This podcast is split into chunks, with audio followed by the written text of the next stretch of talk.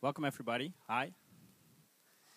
I want to start with consumer behavior, actually, because that's changed over the past couple of years.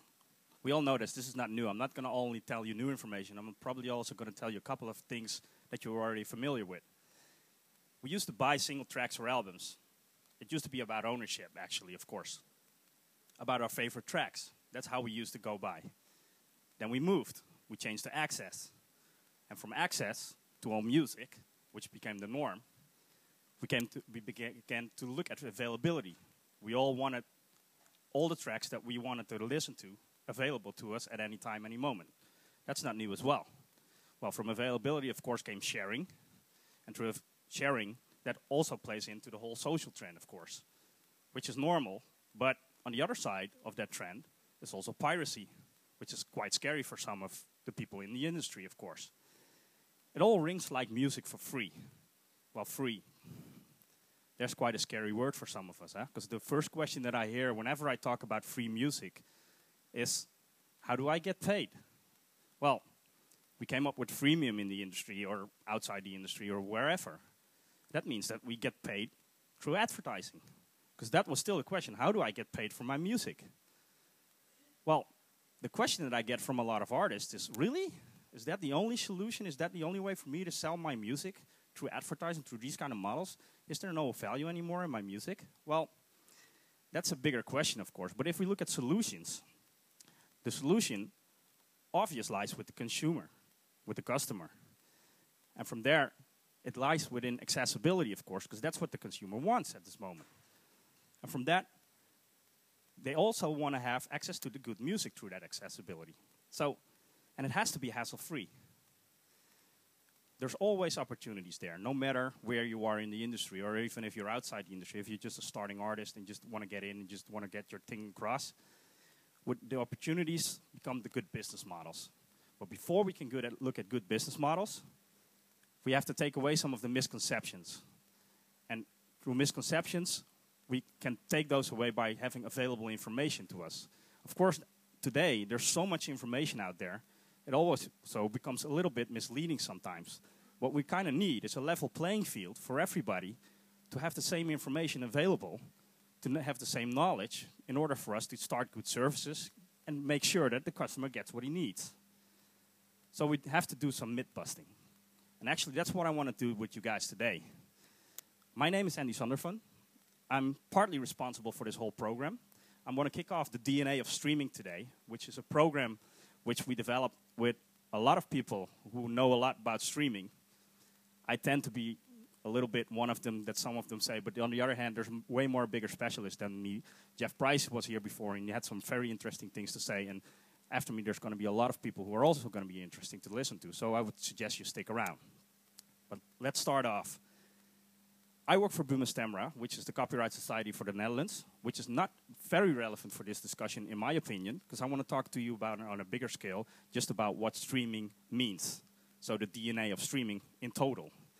I work at business development, which makes sure that we look at a lot of concept ideas and how is the way forward for the music industry, and we try to make sure that people are aware of that. But it also, there's a lot of opinions and rumors and ideas and questions floating around around there. And there's so much data out there, and these are some of the sources that I've used for this presentation, but there's so much out there, which actually is all inconclusive. So it doesn't really matter at what data you look at and what ideas. I think it, it's more valuable that we pitch ideas against each other, and I want to pitch some of mine to you. So stick in whatever with me. I'm not going to talk about NDA information from Buma Stemra because that's not relevant actually in this whole discussion, I think. Even though some of you are probably going to be interested in that. We can always discuss it, but right now I just want to talk about the overall scope of the DNA of streaming.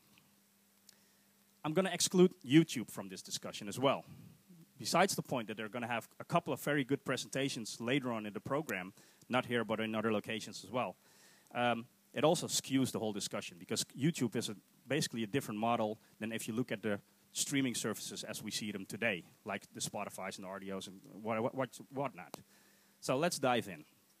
I'm going to go back to the, pro, to the consumer behavior, which I talked to you about before. the first question that I always get if I look at a survey around consumer behavior is, how do you use your streaming service? Well, then it also boils down to this. I search for every single track or give me a playlist. What is the question behind that? That's an easy one, of course. People are looking, the one who make that survey are looking for how many people are looking, leaning forward or are leaning backward. And the lean forward versus the lean backward, of course, mean lean forward means I'm searching for a particular track. I want to find something that I want to use or want to listen to right now. And lean back is more like give me a playlist or just give me a curated something. Lean forward is about content. I'm searching for this song. While lean back is more about context. It's Christmas. I want to have a good playlist of old Christmas songs from the 70s, for instance, whatever. And content, you could relate that to, for instance, download, which people get accustomed to in the digital age. And a download is basically a product. Because music, we always, always looked at music as a product from the music industry perspective. On the other hand, if you look at context, it's more related to, for instance, radio. Give me a playlist or give me a curated part or something, which is more of a service than it is a product, of course. Because people give you a service of making sure that their taste comes across to you, and if you like that taste, you maybe apply to that or whatever. So, if we look at these two pathways, I'm going to go with service for the, for the beginning. You see that service boils down in the streaming world to a subscription service, a subscription model, actually. But the moment that I stop talk, start talking about the subscription model with a lot of people, I got, get into this discussion, which is where is, does a streaming service fit? Is it more access or is it more ownership, depending on what kind of model is in there? If you can download it, of course, moves more to the right. If you can, it moves more to the left. But basically, it slides in between these two. And I hear a lot of people saying, yeah, it's more radio, and others say, no, it's more a download and blah, blah. But I find it a pretty weird discussion, actually, because that's just part of the pie, of course. If you look at the other part, we also look at distribution models, where the product lies. And then you have to talk more about abundance versus scarcity. How many tracks do you have in your servers? How much can I access today? Is it all available to me, or do I have to pay more if I want more tracks or whatever? downloads, and basically before that, the CD and everything before that, had to do with scarcity, of course. So if we look at that model, if you look at scarcity versus ownership, if you download a track, it becomes yours, so you own it. So that's pretty simple. On the other side, scarcity is relative, of course. It depends on your wallet, because if you have a million dollars available, you can, you're going to be able to, for instance, buy a million tracks of iTunes. Still, that's scarce, because there are so many tracks out there unless you have like $15 million available, which I don't think many of you have, maybe some, would be cool, then you're probably not going to be able to buy every download that you want. If you look at the other side of the equation, you see access versus scarcity. That's where, of course, like I said before, where radio lies. It's access to tracks. You don't own them, you just dial into them. And there's relative scarcity there as well. Let's say, for instance, there's about 40,000 radio stations out there, or 400,000 or maybe even 4 million. Well, the fact that there's way more songs out there, and even if every radio station would play different songs at every different time and you would be able to dial into all of them, there still would be relative scarcity because there's way more available than what you ever could dial into. If we look at the top side, piracy, of course, comes in because there was a, there was a need for abundance. Like I said before, people want abundance and they want to own it. So when we couldn't deliver as a music industry, they start searching it in piracy. That's where piracy became big, actually, because we didn't deliver there, actually. Well, on the other equation, you also know, of course, what's coming there. That's the streaming service itself. It's access versus abundance. So you can basically find anything that you want, relatively again, of course, versus the access that you have to everything at that particular moment. The better the service, the quicker to find, the better the access. So, of course, there's also going to be a lot of influencers which I could talk about, but I would be here all day just talking about this idea, just this part of the whole scheme. It, is influenced by place, time, practical use, or price, or wallet, or whatever. There's a lot of factors which change this model around. So this is not a given model. This is just the basic, actually. But what we see is that they all move toward that streaming service people who are in these parts who ha have a love, for instance, for radio are starting to use more streaming service. The people who traditionally would download are going there. Even people who would pirate a lot are going there. And actually, after my panel, there's or my presentation, there's going to be a panel with with Will Page, who's going to talk about that relation between piracy, piracy and streaming. And I think it's going to be very interesting. But we should look at it from a hybrid model perspective, because that hybrid model has to do with both the subscription model and with the distribution model. And if we look at that model, the abundance versus access, which I just talked about, what is that actually? Well, in my opinion, it's nothing more than a proposition to your customer. It's marketing. You say, we have more than 50 million tracks available. Come listen to us. Come to my servers. Come listen now. And it's very, very quick. If you search for it, you will find it within dot so much of a second. That's how people get into the subscription or into the freemium. So that's where the marketing comes in. For instance, just, just to talk about abundance, did you know, that's a fun little fact on the side actually, that the Gracenote database, which is an older database, which probably most of you know, has more than 130 million tracks available. So if a streaming service says, I have 50 million tracks, that's still relative. And do you know that if you would want to listen to all of these tracks, it would take you 1,200 years. So even though there's that much abundance, doesn't mean that you all want to listen to all of it because there's way, way, way more music out there than any of us would be ever be able to listen to. So that's not really relevant. It's the fact that you have the access to it. So I'm going to move into a different part of the discussion because if I look at subscription versus freemium, that's also very relevant because something that came to mind to me, if I exclude YouTube and just look at the, the it's almost, I would almost say, traditional streaming services already, because they've been around there for a couple of years, like eight to 10 years. Then the subscription, you would see that there's only 20 to 25 million users of a subscription model in streaming services. And at freemium, there's about 100 to 100, 120 to 115 50 million users out there who are using freemium services. With the fastest growth in the last three years. And this is, world, this is worldwide. Well, not actually completely worldwide because I'm just taking into account Europe and the US. Why have I done that? I have no good data on Asia or the Pacific right now. And basically, the consumers consume in a whole different way than we see here. And this is the most relevant market for us here, I think, at this moment. So I made it easy on, my, on myself, sorry. But if we just look at these two areas of the world, and we look at those, that amount of streaming, uh, uh, people who use streaming services in the subscription and in the freemium. If you offset that against the amount of people who would have access to streaming services, in Europe it's more than 600 million, in the US more than 350 million. And I'm talking about people who are not just in that country, but who are also using music. That's more than 900 million people in total. So that's less than 20% of the people are using streaming services. And what is that relative of? Well, against 85% of people listening to music on any given day, you could see that there's still a huge potential market out there for streaming services to become bigger than they are right now. But like I said, the fastest growth has been there for three, in the last three years. But in the last 10 years, there have been streaming services here. And of course, we all know that Spotify's been around for just a couple of years, and that a lot of the growth comes from that service. And there's a couple of others who also have, are doing good things. But actually, in the last 10 years, we've only came around to less than 200 million users in these services. Is that worrying? I don't know. Some of us think so, but I think if you look at the guesstimates, for instance, I'm, I'm calling them guesstimates because there's no good estimation of it. In the US, if you take account of all the streaming services available outside of YouTube, you see that it's about 5 million subscription users in the US. Well, another relevant part against that, for instance, there's, that's less than 5% of the smartphone owners. So there's a lot of potential, like I said.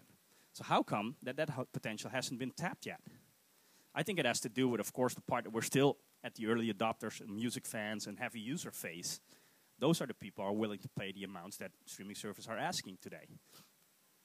And what we see is it's becoming, it's becoming healthier. We're moving away from that today. Because um, if you look at 54% of the users are male, And of course, there's a skew toward younger males. Uh, 16 to 24 year olds are overrepresented by more than 46% in that. And the, on top of that, 25 to 44 is about 29% of that uh, on top of that. But the other thing that we have to take into account, females make up for 46%, which is quite healthy. In a lot of other parts of the music industry, if you look at downloads or if you look at radio or whatever, the skew towards young men is way higher than it is in streaming services. So we are coming to a, quite a good level base to set up more and more for people to develop that service and to come into that service. I want to talk about you about that music fan for a little bit because something that I get into a lot as well on the music fan is the substitution debate. Is that okay? If people start using streaming, they will buy less mu less music from a CD or download less, and that's going to hurt me as an artist or that's going to hurt me as a label. But actually, if you look at 1999, which was the best year in music consumption worldwide, the average spend of a music fan was 60 euros. And this is annually in CDs and downloads, about 60 euros. Today, of course, if you are part of a streaming service as a music fan, you see that it's 120 per year. So that's an easy calculation, of course. The spending went up two times. So that's already good. But like I mentioned before, there's only less than 200 million people using this. So, and this is, this is even if you are a subscription user. So actually, it's more less than 25 million, or about. So something that was what I wondered about, and I found something that was very interesting in my opinion, which I wanted to share with you guys. Rackspace did a very good survey in 2011 in the UK, with a lot of people asked them how much would you be able to want to pay for a subscription music service, and then they made a curve out of that, and they did some calculations, and they offset the potential quantity of users versus the amount these people said they are willing to pay. And it was very interesting when I saw that conclusion because if you look at the 10 euro part, it's basically 1% only said, yeah, that's what I'm willing to pay. Doesn't mean that it's one, only 1% who are actually paying that. But that is the potential people who said, yeah, in this particular survey said, yeah, only 1%, which quite, was quite low in, my, low in my opinion. If you bring it down to 8 euros, it was another 5% coming in. If you would bring it down to 5 euros, so half, another 17% said, yeah, I'm in the boat. If you bring it down to 1 euro, another 28% comes in. Of course, it's very cheap, so yeah, why wouldn't you? And if it was only half a euro, it would be 12% on top. But that, that's not uh, that much uh, more, but that's because a lot of people are already in the boat. And then, of course, there's 70% who will say, no matter what I have to pay, I don't want to do that. I always want to have everything for free. Well, whatever. So, but what was the most interesting part? David Touve, uh, a good scientist, made a demand curve out of this. And he looked at the potential quantity of users in the UK, so offset to the whole population of the UK who use music. And he did that, the simple calculation, times the amount they say they are willing to pay. So if you divide that up on each other, you come up to this, which is a curve, which basically says people who pay 120 euros per year are just want to do 8 million euros. That's basically your potential for that streaming service if there would be the amount of UK people involved. So that's not a lot. 8 million, that's not a lot to me. And if I look at how much a streaming service even costs to run and whatever, well. But on the other hand, if you look at half of the price, so 60 euros per year, 23% of the people would say, yeah, I'm willing to pay. And that's 70 million euros. So that's nine times more. Well, I think there's something there. Doesn't mean that I'm saying like, hey, you guys have to go and drop your prices, but I think this is interesting. I don't know about you, but so if you reduce your annual fee 50%, you have 22% increase in the people who say they want to be part of your service, which I think is quite a lot actually versus the 1%. And then of course, you would have to question is like, yeah, but hey, if we do this, does this work? Uh, does this even people say that they want to be in the service, but does this actually mean they're going to be in the service? I don't think it's really relevant. I see a trend, and it doesn't mean if it's going to be 22 or 23 or 25 or just 15 percent.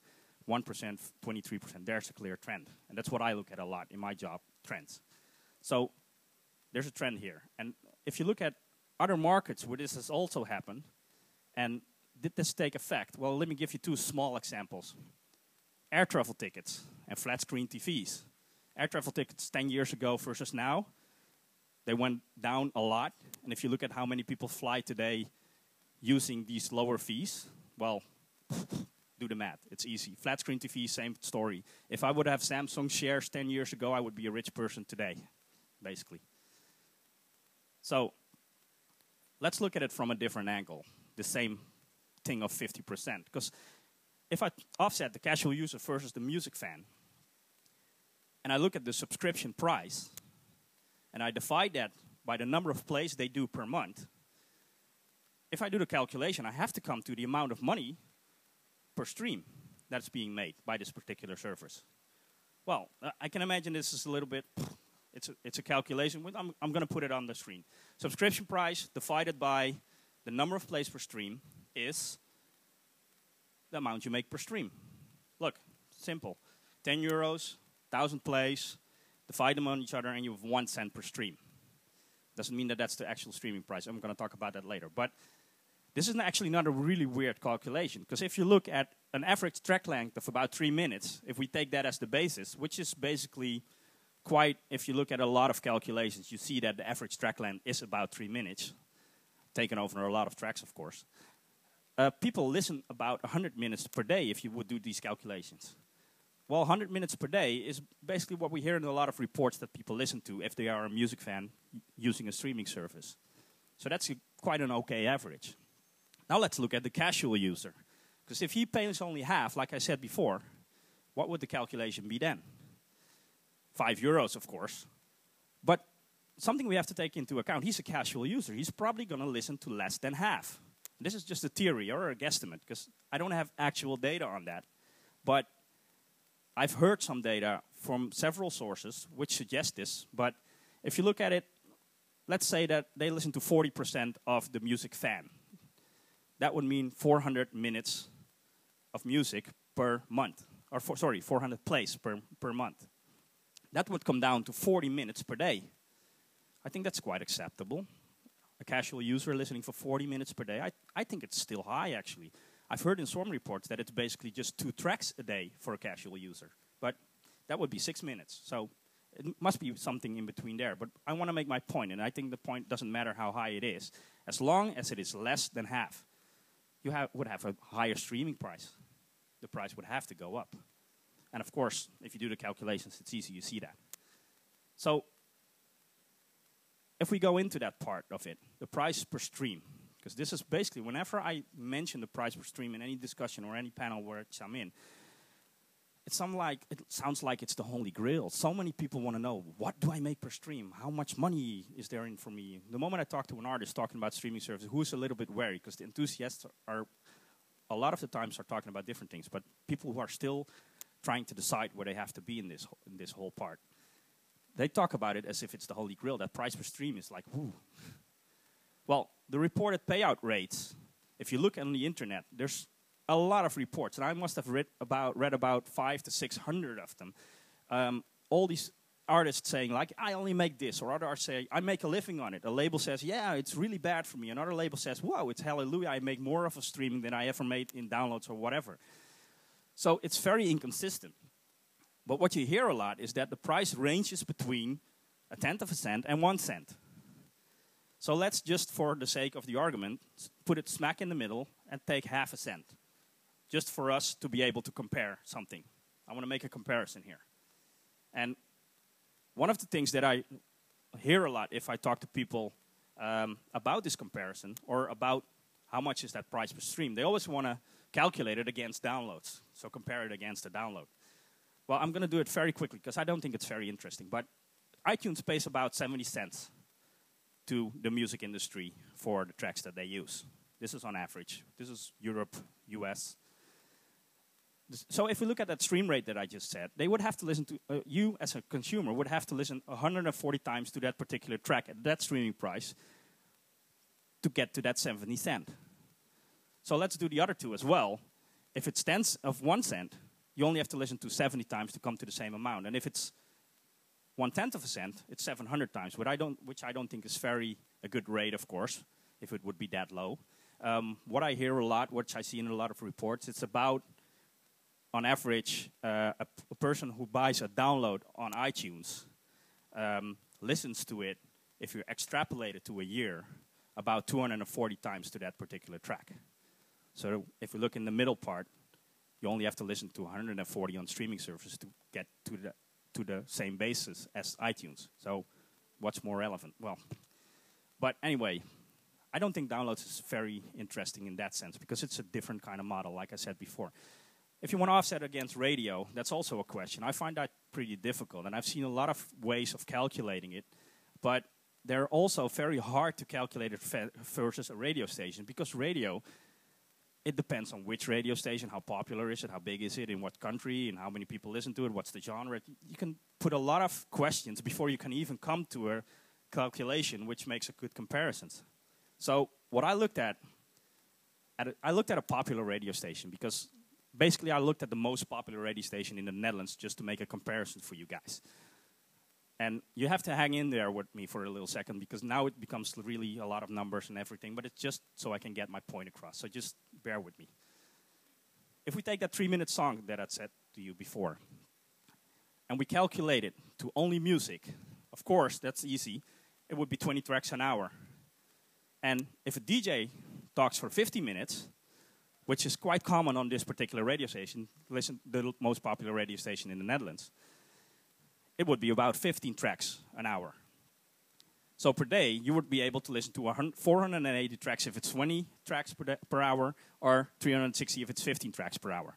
Well, on the other side, if we look at that popular radio station, the reach, the 10 plus reach in the Netherlands, would be if you look at 100% of the people above 10 years old, because this is how that calculation is made. That's we have 17 million people in the Netherlands approximately. That would come down to 14.4 million people. The rest is below the age of 10. So if you look at the market share of that popular radio station, the daily reach, the 10 plus reach in the Netherlands is 12.6%. That means 1.8 million people.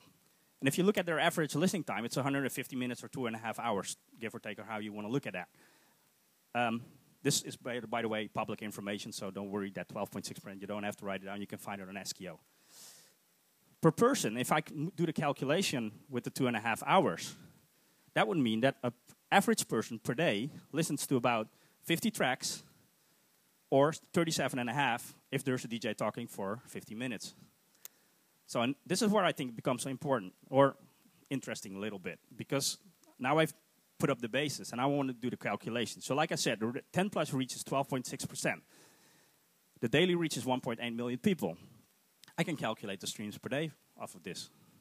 Because if you look at 37 and a half tracks per person, average per day, times the amount of people, then you come to 68 million streams per day.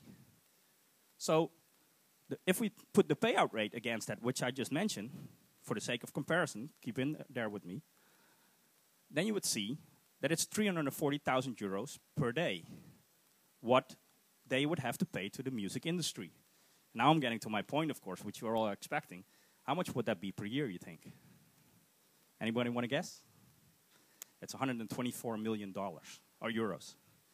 And 124 million euros is what that particular radio station would have to pay to the music in industry annually if we want to make a comparison versus if they would be able have to pay the same rates that streaming services would pay to the music industry. So over there, it would be 124 million.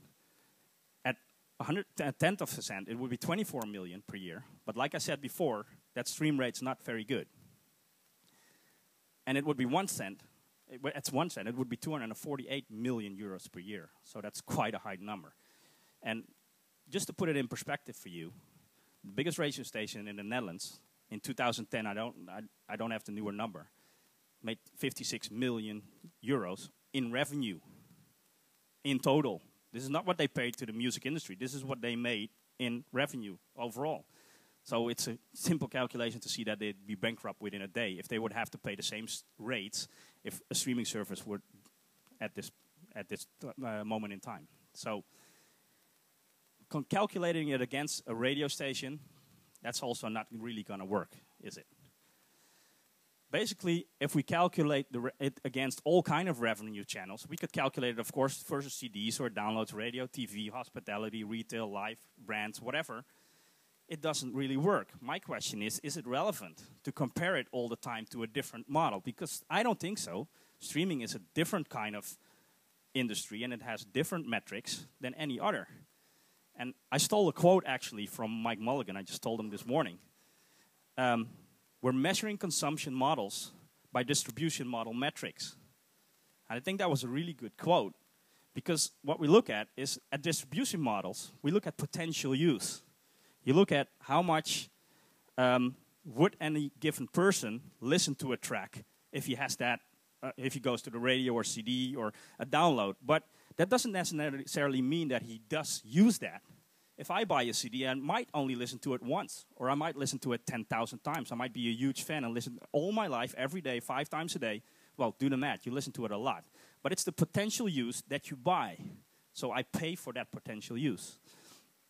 If you look at the consumption model, that's actual use. It's only the tracks that I use at that particular time. Those are the tracks that I'm going to be paying for. Unless it's, of course, again, a subscription model, it's different metrics. But that's the payout rate that we talk about. Like, how much do I make per stream? So, how much is a listen versus the payout rate? So, that's an actual use. So, it's a different way of looking at things. So, I want to look at, at, at it from a different angle, which I also see a lot, which I think is promising for a lot of people to look at it of the pot of money coming in. And you see that advertisement and subscription are, of course, two of the parts where money is coming into the streaming service. But it always comes from also comes in from investments. We hear a lot of reports of 100 million euros being taken in by Spotify or whatever. And actually, there's another fee as well, data fees through the APIs. There's companies out there who pay money to at the app builders who pay money to the streaming services to be able to use their content or even their copyright add-on services as well. They do that.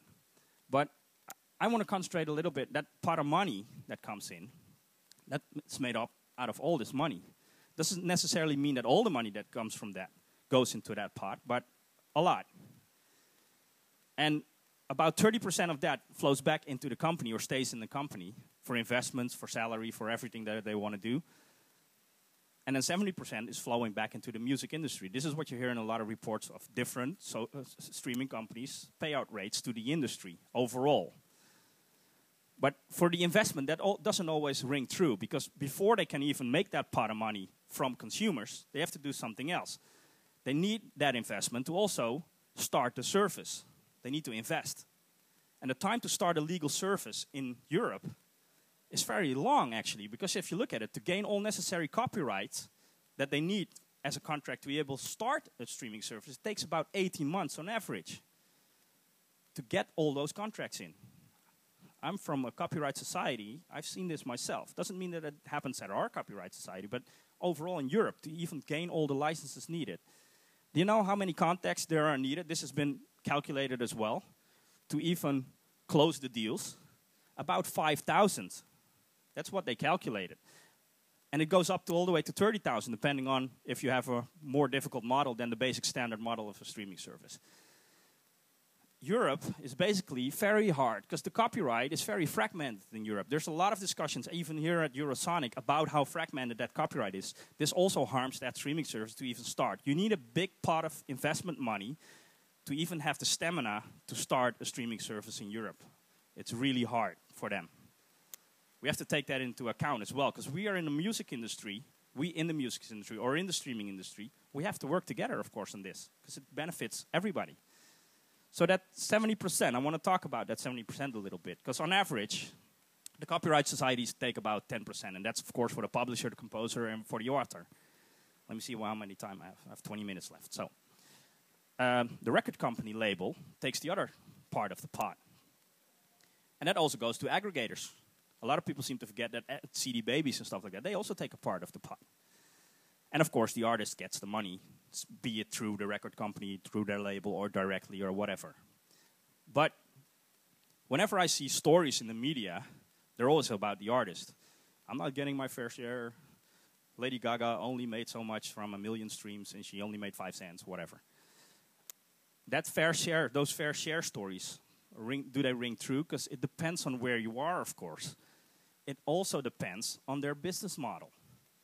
Because it's not that every artist makes the same amount of every streaming service. It depends on how you did your negotiations.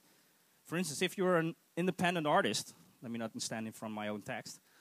If you are an independent artist and you do it yourself, or you have aggregators do it for you, chances are you're going to be talking about the usage, the amount of money that you make per stream, like I mentioned before.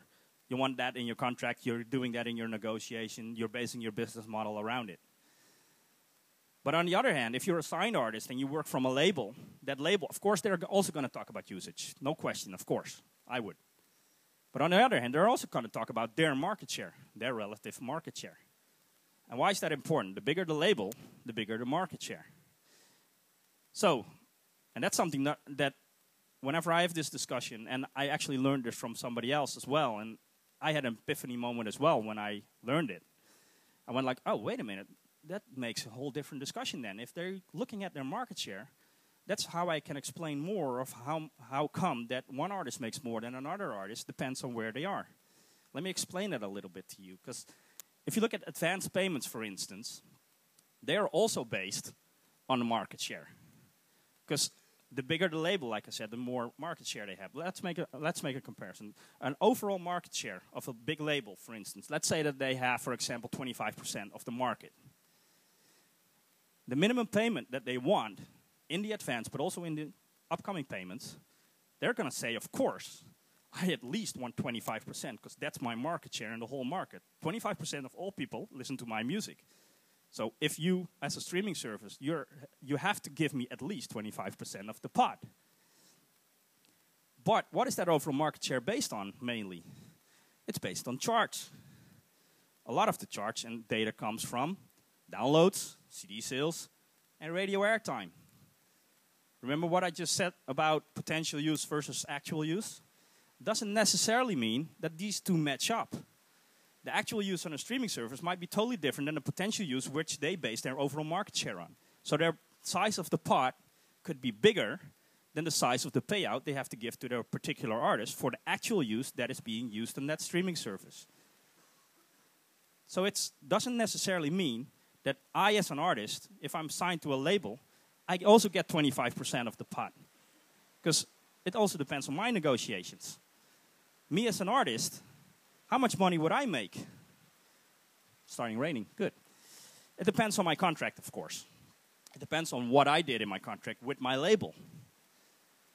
It depends on my popularity, because that also helps me to make more money from the music, because I have a bigger advantage in my contract with my label. It depends on where I am in my life cycle. How much plays do I generate from old songs versus new songs, which I maybe have different contracts on. So, are you being remunerated for actual use or also from a minimum or also in an advance? It depends on what contract you made with your label, how much that payout rate is. So, just answering the question on how much does an artist have to make is a ridiculous one because it depends on all these factors. Let me put that in perspective again. If you look at the traditional longtail, I don't think all of you have seen this figure way too much, of course, already. The long tail has been talked about a lot of times. The popularity versus the amount of tracks. I have to talk louder, I think, with the rain. This is the traditional long-tail model. We all, all know that the head is over there and the tail is over there. That's not very, very relevant for this, but where does it become relevant? This is where market share is being negotiated by labels. In the head, of course, because there's the big market share for the labels. That's where the money goes. But if you as an artist are in the tail, because what we see on streaming services, that the actual place on streaming services go way, dig way deeper into the tail than on any other product. For instance, downloads people tend to be in the head with downloads. iTunes sells most of its products in the head or close to the head. While what you see at streaming services, they're going more deeper into the tail than before. That's because of discovery, of course. It's become such an easy model with the abundance that I talked about earlier that the discovery becomes easier. People can make their own choice. So they're going to be using more in the till. But like I said, the money is being made in that market share. So if you're an artist in the till, the amount of money of the, in the complete pot which is available to you is going to be way less than it is if you would be in that head. So take that into account if you're an artist and you're making a negotiation. Make your conclusion. Do they get their fair share? That's, of course, a big question that we have as well. Well, it also depends, of course, like I mentioned before, on leverage. It's always about leverage of the label versus the streaming service.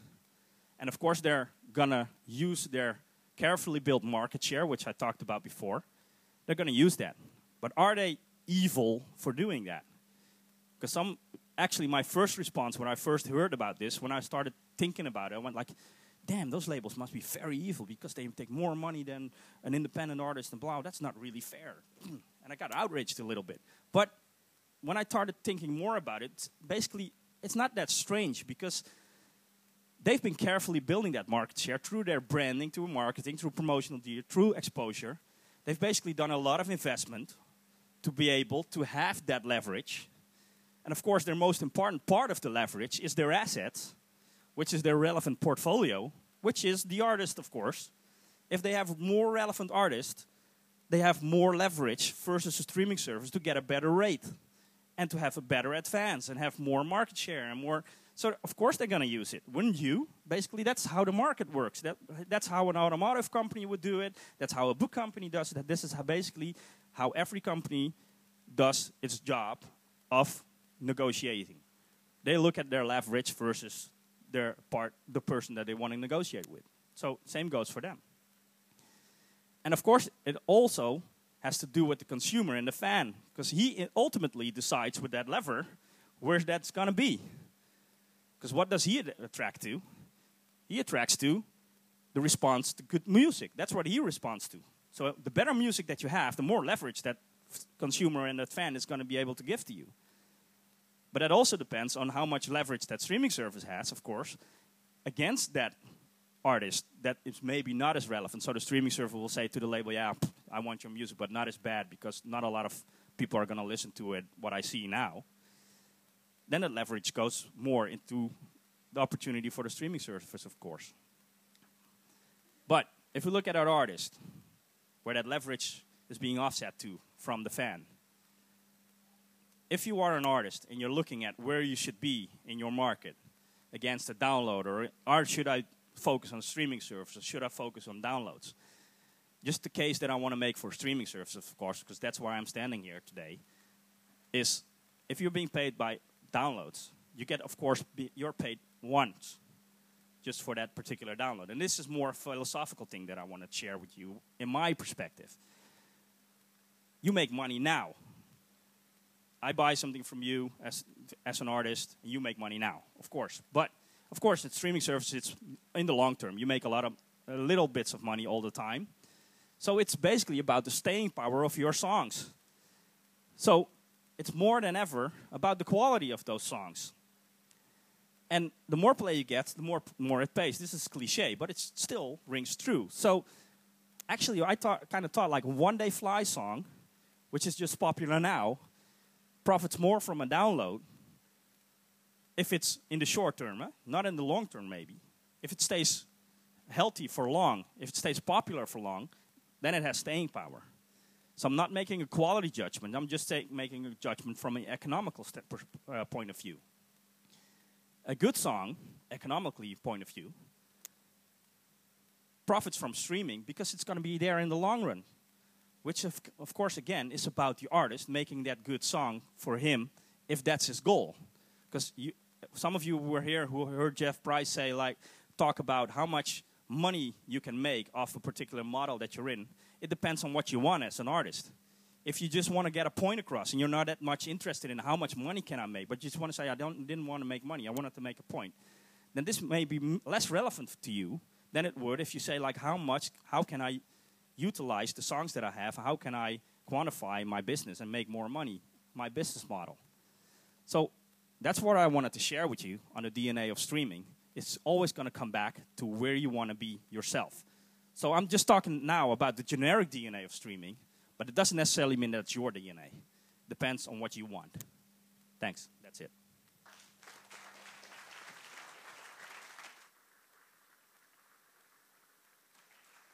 Are there any questions?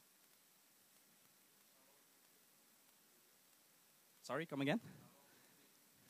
Uh, three nights. Actually.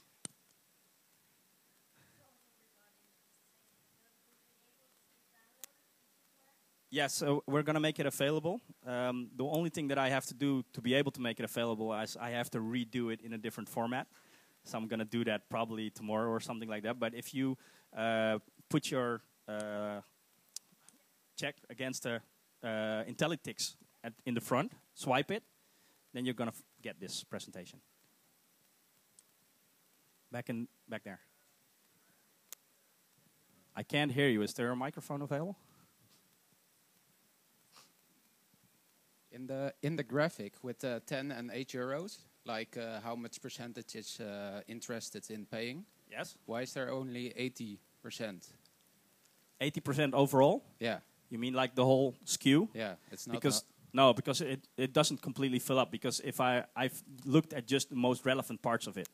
All right. There's more numbers to the Okay. whole equation, but I just looked at some. Otherwise, we would be here for longer. Question over there in the in the back. Thank you very much for the nice presentation. It was really inspiring. I think lots of interesting thoughts for everyone you shared. And um, I have a question, of course, sitting on the Mer- on the Merlin board, um, speaking you about on the leverage side of things. Of course, it is about market share and about labels, but of course, initiatives and kind of Merlin um, initiative, especially, is of course working in the digital area about kind of flattening this leverage point to the most possible level. Of course, this is not always possible, but I want to mention at least that artists and labels have to think about working on certain initiatives and looking for what people and agencies like Merlin are doing. Yeah, that's a good point that you're making. I, I, I want to add to that because actually, when I was putting this together, I kind of struggled with the word label. And I thought, like, do I make this simple? Do I still call it label? Or do I. Because a label today is not a label of what it was 30 years ago. A label can be anything. You see a lot of DJs have their label when they do nothing about a label in the traditional sense. So, Merlin or any other, uh, or aggregators, for instance, they could also be called labels. So But this is, I mean, this is really important for everyone to know that, of course, trying to flatten this kind of or balancing out the power of the services against the market share of labels is, of course, working together. For example, with, um, yeah, in this case, with all the all the parties involved. So your fans, consumers, exactly. artists, Yeah. aggregators, everybody who's in that same pot, of course. Okay. What I want to mention before you, we, I all let you go is today's going to be the rest of the day is also going to be about streaming. After me, there's going to be Will Page doing a very interesting presentation and a panel on piracy, which I have not mentioned. I had an old, I, I had a block here which I wanted to put a lot of piracy in, but he has more interesting things to say than me, so I left it blank. Um, after that, there's also going to be a dis- discussion with some of the streaming uh, platforms, which going to talk about, for instance, stuff that I said here, but other things as well about how relevant they are about the streaming price and everything. You can ask them a lot of questions, and then we're going to uh, end it with a discussion with talking about other companies using streaming platforms and what that does for them, and not only companies, but also what it does for artists and what it does for the whole industry, actually. So I suggest you stick around because it's going to be very interesting. So I hope you're going to have a good day. Thank you from me.